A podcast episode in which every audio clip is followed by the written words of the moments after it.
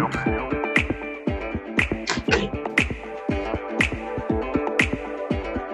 everybody, welcome back to Ray Jensen Radio Podcast. Thank you very much for tuning into the show tonight. Uh, tamu kita hari ini namanya Ryan Teja Sukmana. Dia berasal dari Lombok. Uh, lagi di karantina juga. Dia pernah kerja di Bikini.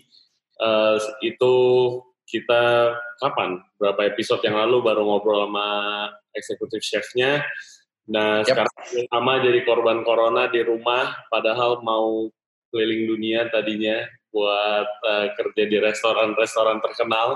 Apa kabar, bro? Apa kabar? Baik, baik. ya, yeah, first of all, thank you for having me. Ya, semoga banyak memberi ilmu lah hari ini. yoi, yoi. Uh, tadinya lo emangnya mau kerja di mana aja rencananya?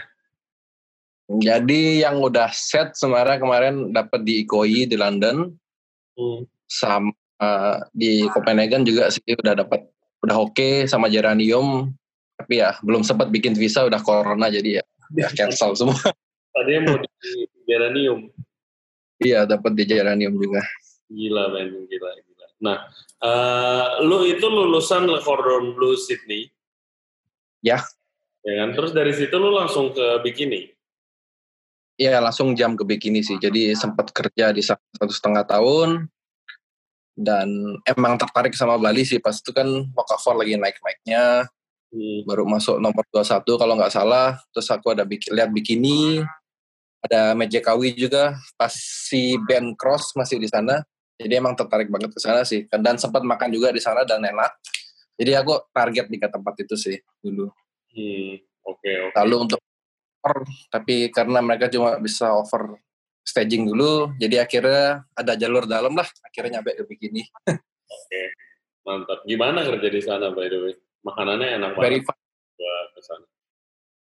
Enak ya? Oh iya kemarin kan cepet ya pas ada aku juga kan pas makan. Oh itu lu masih kerja di sana jadinya masih kan ya kirimin extra food lah pas itu kan yeah I remember thank you for that Uh, terus berarti lu udah last day ya di bikini ya?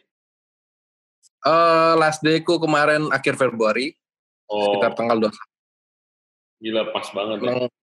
Ya rencana taking libur dulu lah sebelum berangkat kan rencananya. Taunya libur terus sampai sekarang. Oke oke. Nah uh, guys jadi uh, today kita mau ngomongin tentang seafood.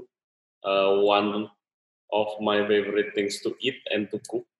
Uh, karena Ryan tinggal di Lombok yang seafoodnya gila banget, beda jauh sama kita yang di Jakarta. Uh, jadi gimana bro? Apa aja nih? Tinggal uh, lu tinggal di sana, berarti lu mestinya udah explore banyak banget dong tentang seafood seafood di sana. Ya, gara-gara corona sih. Jadi kayak emang dari dulu interest banget sama seafood sih.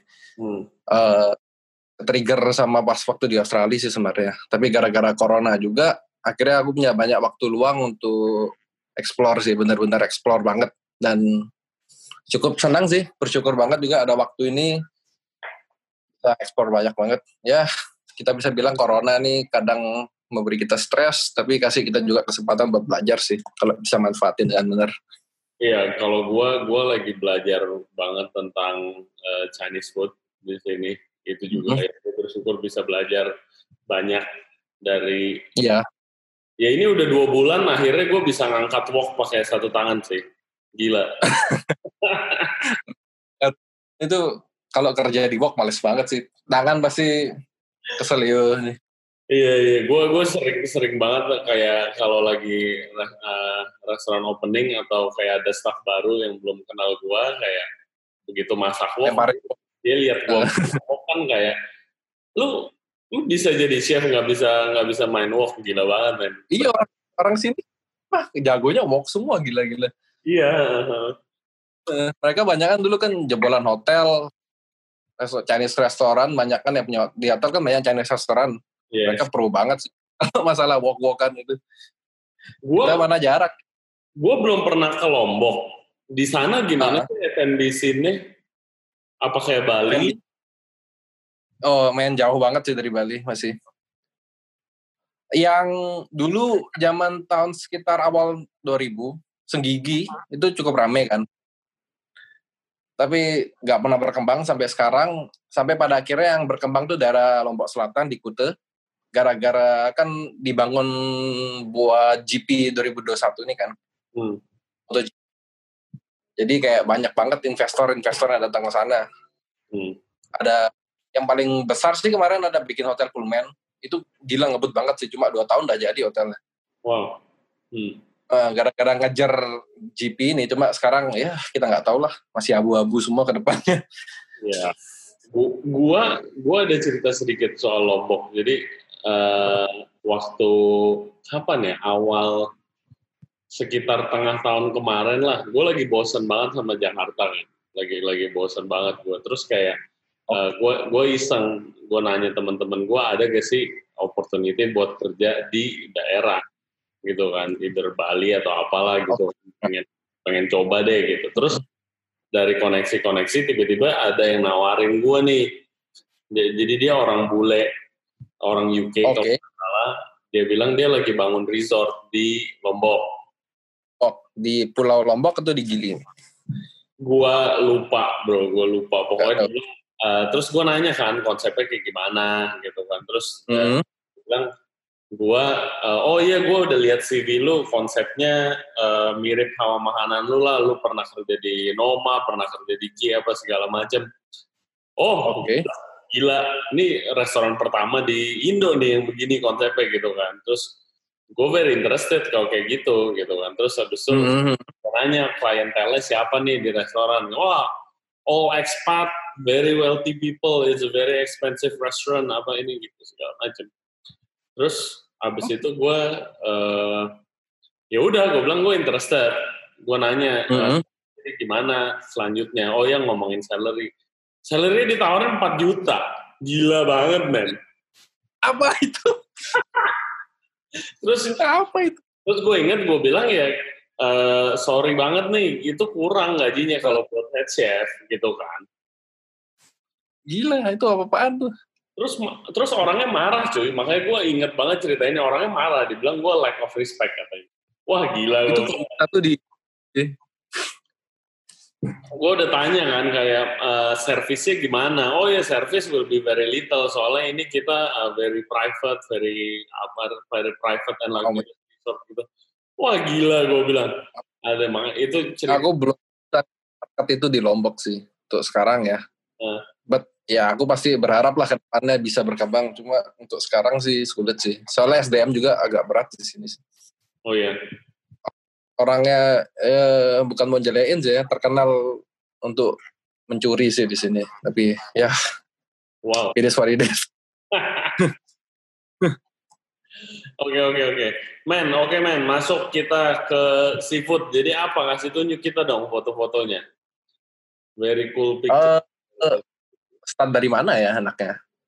Iya menurut Mungkin... lu Lombok itu bagusnya seafoodnya kayak gimana? Kan pasti ada fish market dong yang ada ada.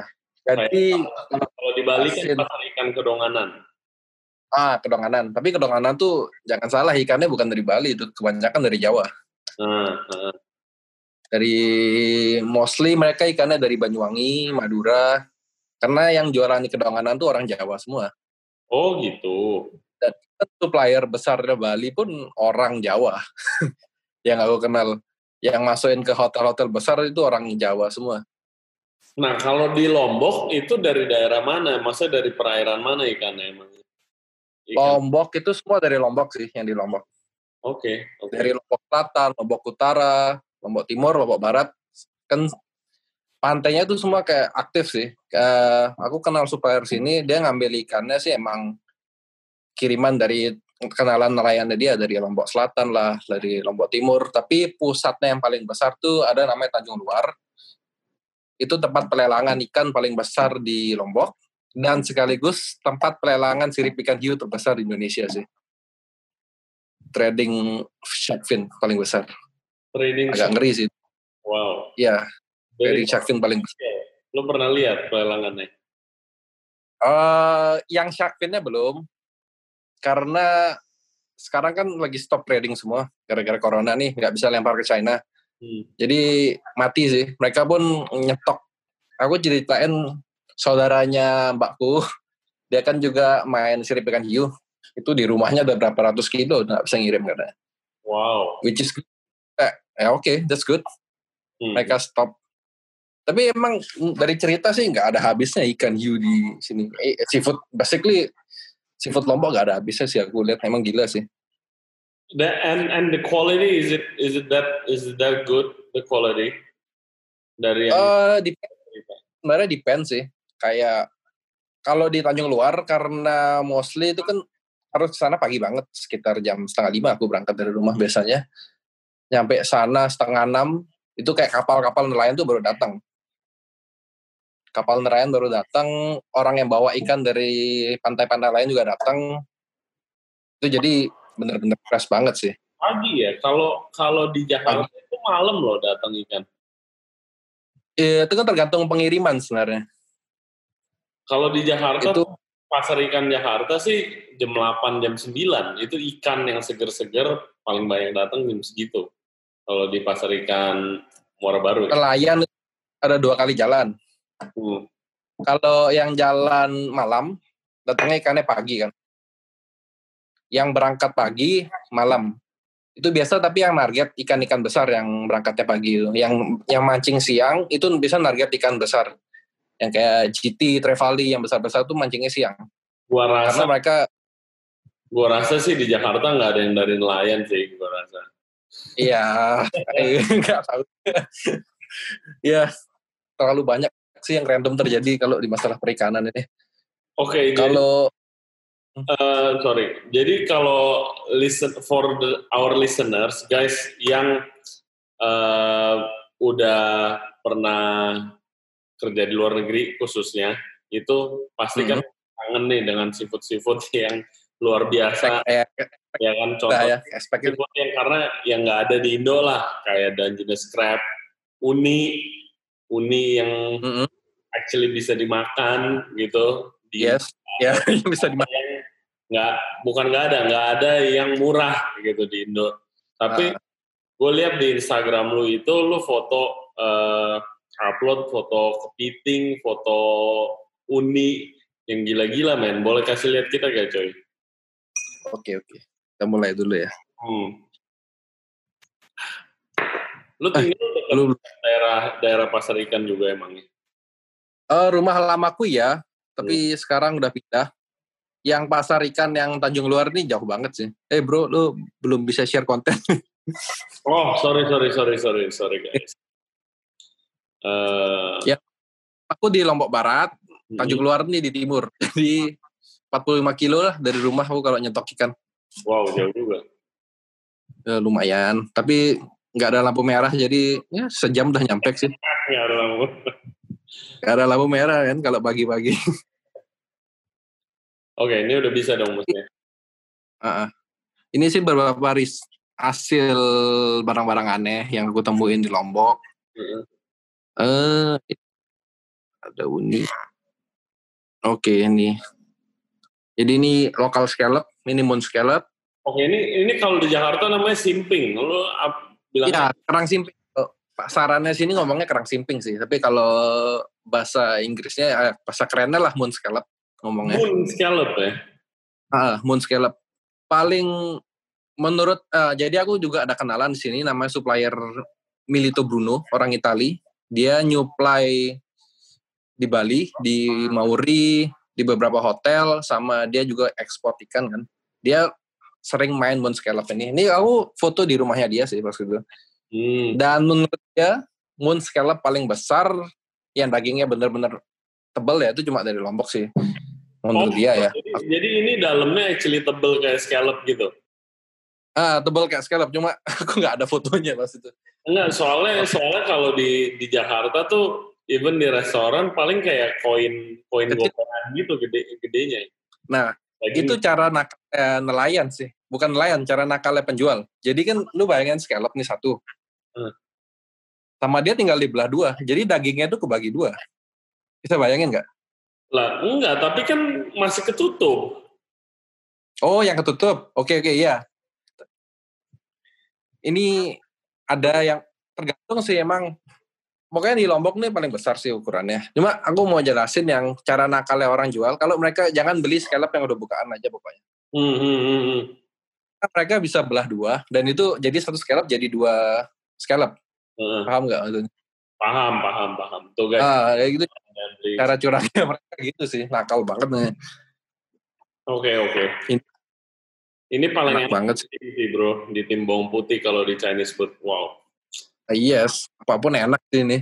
Aku kemarin tak bakar pakai berblang, apa hmm. sih ramen berblang, dibakar terus ditutupin aja sama tray, jadi kayak semi stip. Wah enak banget sih ini. Mantap, mantap, mantap. Next. Ada. Ini ada kepiting eh.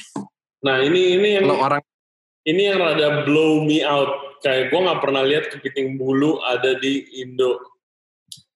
Gila. Ini FI katanya banyak banget sih di Lombok. Cuma aku belum pernah ketemu yang hidup, jadi agak takut mau makan sih sebenarnya. Uh-huh. Karena possibly kan kepiting ini makan rumput laut kan kebanyakan, ya algae-algae. Kadang algae itu kan ada yang beracun. Hmm. Jadi kalau nggak kepiting yang di, udah dibawa ke penangkaran selama beberapa minggu, agak riskan. Oke, okay, oke. Okay.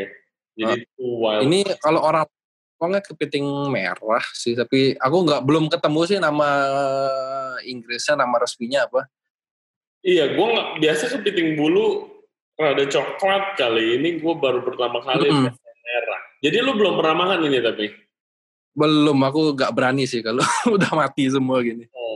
Kenapa maksudnya kenapa jarang ya apa diekspor semua menurut lu gimana ah mungkin mereka aku menurutku sih ya mereka kayak belum ketemu season yang tepat buat nangkep kepiting ini sih. Hmm, okay, okay. Jadi kayak mereka kalau hari ini misalnya kan mereka ngelepas uh, kayak keranjang yang di laut itu kan yang buat tangkap rajungan kepiting hmm. blue swimmer crab itu. Kadang mereka dapat ini ya udah mereka jual tapi mereka nggak bener nggak bener-bener nyari gini oh nggak bener-bener ini gitu ya uh, nggak bener dia soalnya belum ada pasarnya mungkin sih uh. Tapi aku pernah lihat ada yang jual hidup sih di Jakarta. Kayak iya, aku pernah dari Lombok, gue jamin bro itu import. Iya. Tahu nggak tahu. Gue pernah, gue sekali-kalinya gue lihat kepiting bulu hidup itu di restoran namanya Taste Paradise, one of the best Chinese restoran di di Jakarta.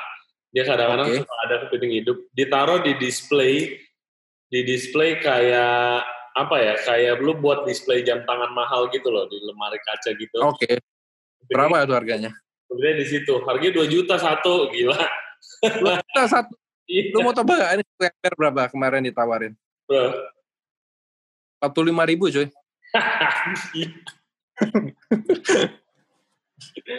Ini kayak sekitar 20 kepiting I think. Gila sih. Oh, ya, Oke, okay. okay, next.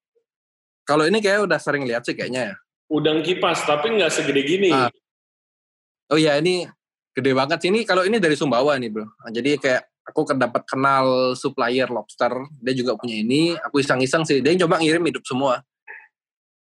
Kalau... Jadi aku ada pesan kalau ini di Jakarta uh, guys kalau misalnya ke lagi ke restoran asal sembarangan lobster lobster tapi di menu lobster tapi harganya murah biasanya lobster ini nih dikasih ya ini soalnya murah menurutku gara-gara perbandingan daging dan beratnya dia tuh jauh banget sekitar hmm. 20 persen kayaknya. Hmm. Cangkangnya dia ini tebal. Jadi kayak nggak mungkin nggak worth it untuk dibeli. Jadi mereka ya gitulah. Iya. Biasanya. Tapi tuh, dagingnya. Soalnya mulai akhir-akhir ini tuh ada beberapa, Rai, di mm -hmm. Jakarta, khususnya di Jakarta Selatan, Ya gitu, lobster, lobster, lobster, tapi harganya murah banget. Kayak lobster, ya, iya. satu dish lobster bisa empat puluh ribu gitu.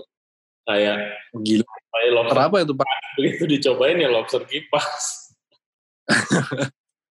tapi dagingnya enak sih sebenarnya. Tapi uh, enak. orang banyak jual ya gak terlalu. Ini sih yang gila. Ya, ini gila banget men.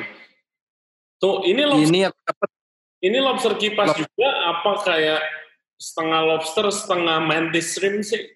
Gue uh, lobster kipas juga nih. Uh. Jadi kipas merah. Ini size-nya kemarin aku dapat satu setengah kilo sih. Gila, gila. Gila. langka sih tapi kemarin waktu aku main-main juga di tempatnya si Urchin itu nelayannya sih ngomong bisa dapat ini kayak banyak. Cuma agak susah harus hand diving soalnya. Wow. So cool. Ini lo apain bro? Uh, karena awalnya gue pengen buka cakangnya dagingnya doang gue mau ambil. Nggak bisa karena cakangnya keras banget. Jadi pisau kue nggak bisa tembus sih. Daripada rusak ya udah aku belans saja semua. Iya kayak, kayaknya nggak bisa deh. Lo harus belans dulu deh baru lo buka. Iya kayak harus belans. Nggak nggak bisa. Ini dag itu kulitnya shellnya gila tebal banget sih ini nggak kayak lobster mutiara gitu gampang banget di break ini man yeah. cannot oke okay, lanjut oke okay, next Spanner crab. Ini sih yang Spanner crab. Lu Spanner crab atau kalau nama lokalnya Ranina, nama Inggrisnya frog crab. Yang ngomong yang ngomong Spanner crab kan orang Australia. Pasti lu kalau Diki pas sampai pernah pegang ini kan? Iya, ini ini kepiting yang jalannya ke depan kan, maksudnya nggak kayak yang lain ke samping gitu. Ini enggak enggak, dia kayak kodok deh. Iya, Men, gila banget cuy. Ini gue baru pernah lihat ada di Indo. Wow. Katanya ini banyak. Cuma tergantung season. Seasonnya tuh kayak sekitar kemarin Maret ke Mei ini seasonnya. Di Bali lu nggak lihat ini? No, no, never. wow, wow. Terus di sana di dikemanain produk-produk this awesome product? Kemarin aku pertama kali beli bagus banget karena kayaknya memang baru ditangkap sih. Uh.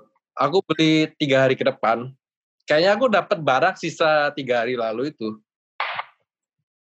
Jadi produknya udah jelek sih. Jadi menurutku belum ada yang beli sih ini.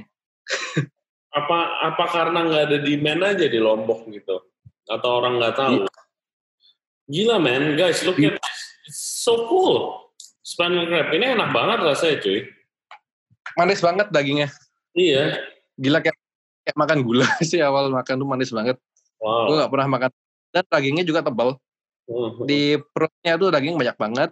Kakinya emang sedikit sih nggak sebanyak mud crab ya. Cuma dagingnya lo enak banget sih ini. Gila, gila, gila. gila. Namanya, Kalau dapat yang fresh. Nama lokalnya bro? Ya, nama lokalnya sih aneh tempenyon besar namanya. Tempenyon? tempenyon. Jadi tempenyon tuh ada jenis kepiting juga namanya sand crab. Hmm. Itu mereka tinggal di pinggir pantai biasanya. Jadi kalau habis ada ombak, kamu lihat lu lihat lubang-lubang di bawah laut tuh turun-turun, nah itu sand crab. Oh iya iya tahu tahu gue tuh. wow. Itu juga enak loh. Itu ada satu restoran Michelin star yang pakai itu aku pernah lihat di Bangkok.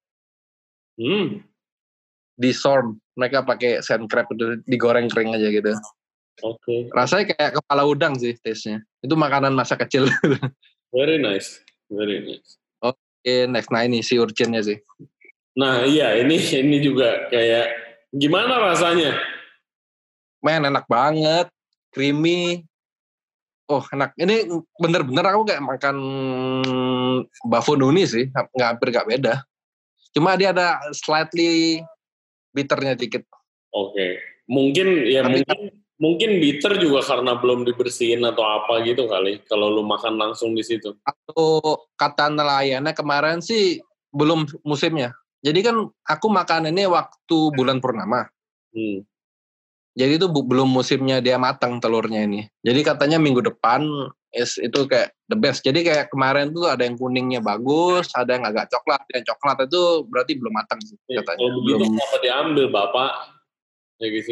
Ya kemarin dia orangnya sih mau nyobain aku kan dia ngomong oke bentar aku ke ambilinnya di laut oh. datang udah bawa kapal gila apa tuh orang gue gue cuma pernah makan uni lokal itu waktu gue lagi diajak temen gue ke Pulau Seribu terus habis okay, gimana? lagi diving terus uh, ya udah ada banyak ada banyak bulu babi kan. Terus gue hmm. lagi lagi semangat semangatnya gitu kan kayak ah gue pengen cobain ah. gue ambil lah satu ember gue bu- rasanya kayak besi bro. Airnya itu tergantung lautnya sih berarti. Kayak besi rasanya gila oh my god rasanya di pulau besi doang nggak ya?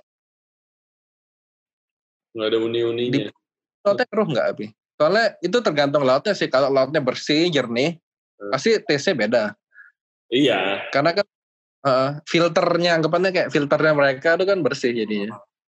Iya, gua Kalau semakin tahu, pasti air, nih sih ras. Air Pulau Seribu dekat sama Jakarta gitu, isinya ya iya. juga. Ya, kan? That's yeah, this is this is amazing. This is amazing. Lo kenapa nggak jadi uh, next lo jadi supplier aja bro, kirim ke Jakarta? Ya, yeah, that's the goal. That's the goal. Jadi sekarang ya lagi nyobain produk lah intinya, lagi belajar produk sini lah. Should should be should be awesome man, should be awesome. Oke, okay. ada lagi? Ada kalau yang nextnya ikan sih. Oke. Okay. Mau lihat kalian. Oke oke cari lagi deh. Ikan ya. Gila sih. Kalau ikan sih kayaknya sering ngeliatin ya. Hmm, ada yang beda gak? Ada, ada, ada, ada. Tenang, tenang.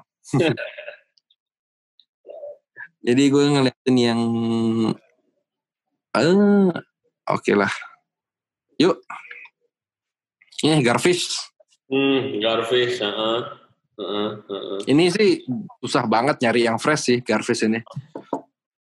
Gua belum. Aku baru gue belum pernah gue ada beberapa kali beli di pasar ikan nggak nggak fresh ya jadi ada dua tipe sih.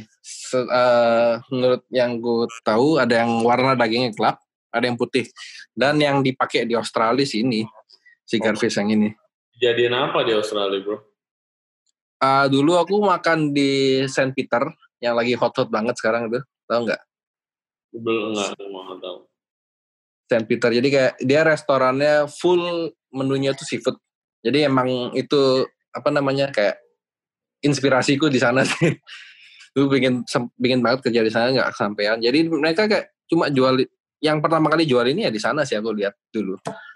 Oh. Padahal ikan kalau di Lombok dari ikan asin biasanya. Iya. Oke oke. Tapi di sana. Oke okay, next. Ini ya shellfish biasa. Hmm ikan pedang. Uh, ini sih yang amberjack sama jobfish. Ini ini gila sih fresh banget sih. Jadi kayak aku nunggu di pantai bener-bener ada nelayan besar kapal besar teng ini baru turun ikan-ikannya. Yang sebelah kanan apa? Itu jobfish. Jobfish. Jobfish jarang banget bisa besar gini sih. Ini dagingnya enak juga. Kalau amberjack aku bisa ngambil buat sashimi sih yang tengah. Hmm, hmm, hmm, hmm. Okay. Kalau orang sini ngomongnya hamachi sih kayak yang nyuplai-nyuplai restoran padahal bukan hamachi, beda deh, kan paci ini. Iya. Iya, biasa kalau kan paci keluar di menu cuma pipinya doang biasanya. Ini Iya, iya. Ikan sebelah. Flounder ya, ikan sebelah. Flounder ya. Kayaknya Enak banget sih. Gue belum pernah, gue belum pernah lihat yang warnanya begini. I, jadi ikan sebelah tuh ada dibagi tiga kan ada namanya uh, yang kalau Inggrisnya halibut, flounder sama sole. Hmm. Tiga-tiganya ada sih di Lombok semua. Ini dua puluh ribu gue beli. Oke, gila. Nggak bau tanah nih? Nggak nggak nggak men. Enak enak oh. banget ini. Ya lautnya bersih kayaknya di sana ya. Iya, lautnya masih bersih lah di sini. Belum belum banyak pakai cara kotor lah kayak pakai boom gitu-gitu belum ada. Ini flathead. Kalau yang di Australia pasti udah sering makan sih. Hmm, hmm, hmm. Ini juga enak banget nih bro. Ini enak banget, dagingnya padat banget. Ini hidupnya di kan sebenarnya hidupnya di muara eh apa ya? Payau. Antara laut sama sungai. Payau. Muara ya. Air payau. Ah, payau, payau. Uh. Uh, ini hidup payau awalnya agak takut sih makan punya sini tapi you know man it's very good juga. Lalu ini amberjack. Nah, ini aku pengen lihat tuh sih kayak aku nggak pernah nyangka ikan di Indo ini bakalan fatty karena ini kan kita lautnya tropis kan. Makanya ikannya kita kualitasnya kadang nggak pernah uh, kalah lah sama Australia atau Jepang yang punya subtropis yang lautnya dingin. Uh. karena fatnya mereka lebih banyak. Tapi ternyata apparently ini aku dapetin mangrove jack fatnya gila banyak banget. Iya. Bener-bener.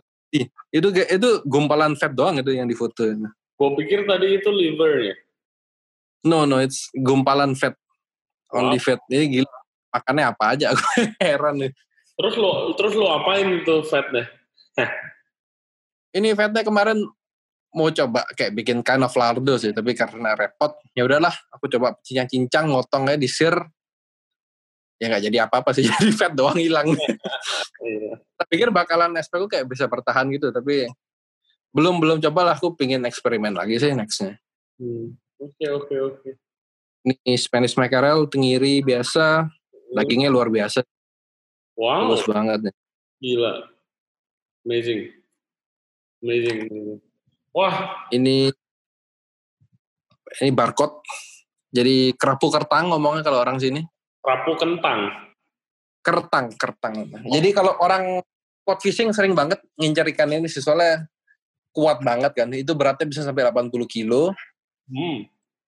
Ini aku dapat 10 kilo doang, jadi katanya masih kecil. Enak banget nih kayaknya di tim nih. Dagingnya sangat firm. Hmm. Sangat firm. Kemarin aku gara-gara besar, ribsnya tuh aku ambil. Jadi kayak bener-bener kayak ribs babi gitu teksturnya. Oh. Gila, Lalu lu gue coba. Lu bakal jadi itu bro. Uh, Saint Peter Ya, trying to sih. Oh, jadi tapi ya, Paddington. Cut-cut aneh sih emang. Enak sih ini dagingnya tapi kayak tapi harus masaknya bener sih kalau nggak masak bener pasti keras banget ini. Iya, iya. Terus terakhir ini kemarin sih aku coba ini Kijimi juga waktu di jadi aku sempat main ke namanya Talu Ekas di Lombok Selatan. Itu yang ngajakin aku kebetulan aku kenal orangnya, dia running usaha namanya Ekas Adventure. Mereka sediain diving sama jual ikan hidup juga kan.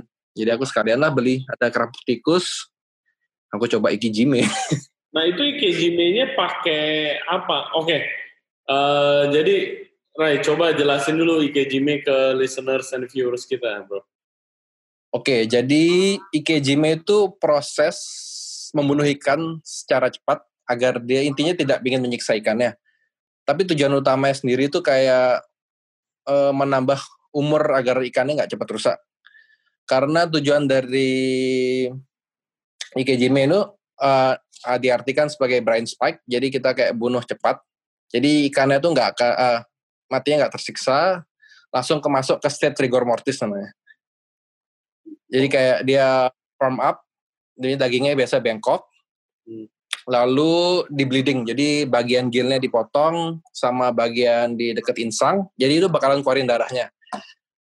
Nah darah, karena darah itu yang membuat ikan tuh lebih bau, amis, iron itu semua dari darah. Dan darahnya itu dikeluarin semua.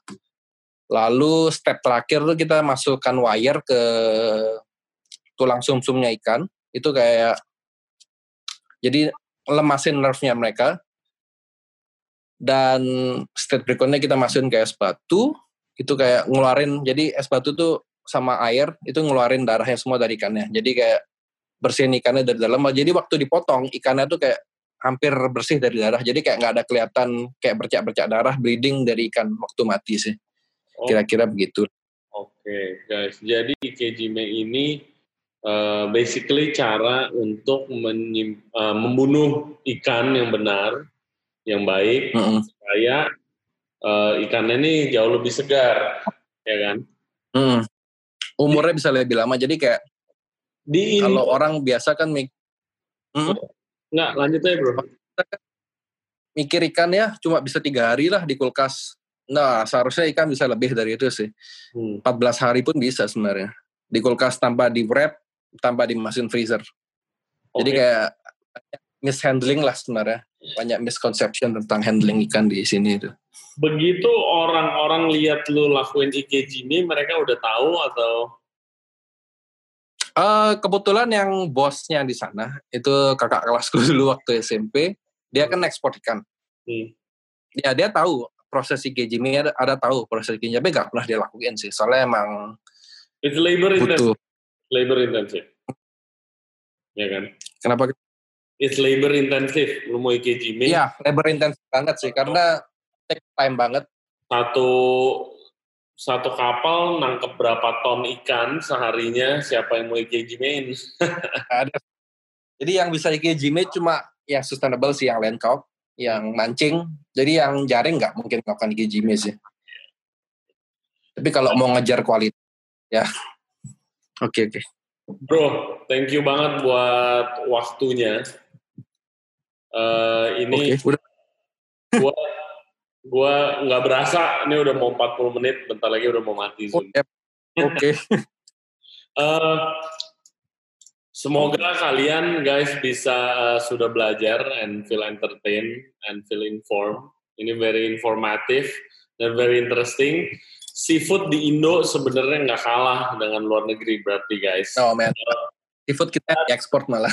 Kita tinggal uh, gimana kita caranya untuk logistik aja dan cara penyimpanan yang benar. And please yes. somebody figure that out soon. Maybe lu bro, maybe lu bro. I hope, I hope. Nanti, nanti if you are ever in Jakarta, nanti gue kenalin ke temen gue yang punya ya, mau banget gue itu Ipot. Uh-uh. bisa ngomongin ikan nama dia 24 jam dah terserah kayak oke okay. Belum actually belum beberapa hari lalu dia baru datang ke rumah gua kayak nongkrong aja ngomongin ikan berjam-jam oke okay, oke okay. asik banget sih di sini tempat di Lombok dan lu sekarang jual ikan kan katanya kan Iya, sementara kayak buat rumahan sih. Jadi aku jual ikan fillet sama semi cook food. Jual sambil dong. Aku jualan dong, jualan dong, jualan dong. Jadi aku punya Instagram namanya Empak Lokal, which is artinya itu ikan lokal dalam bahasa Lombok. Jadi aku di sana lebih kasih pingin edukasi orang sih. Jadi kayak aku lebih kenalin ikan-ikan yang jarang orang makan. Jadi aku udah filetin mereka, jadi mereka udah lebih gampang untuk memprosesnya tapi tujuannya aku pingin bisa edukasi si orang-orang biar pingin nyobain ikan-ikan kita yang luar biasa jangan makan kerapu sama kakap doang sama kue gitu. iya sama kue kan kue oke okay, so guys empah empah ya empak empak uh, empak lokal, jadi empak eh, lokal nanti empak. kita tulis empak lokal nanti kita tulis di ya. description ya. jangan lupa follow instagram Ryan juga apa bro Instagram lu? Uh, Rian Teja biasa. Rian Teja. Uh, Rian. Bisa ya, DM, bisa DM dia juga, uh, bisa DM gua di Rajanso. Okay. Uh, jangan lupa like and subscribe videonya guys. Thank you very much for joining us. Ya, kita podcast kita itu ada di Spotify, Apple Podcast, Google Podcast, dan juga YouTube. Bisa nonton kayak gini. So thank you very much for watching and for listening to our thank episode. Thank you, Ryan, for your time. Thank you juga. And guys, thank you very much again. We'll see you next time. Stay safe, stay healthy. Bye.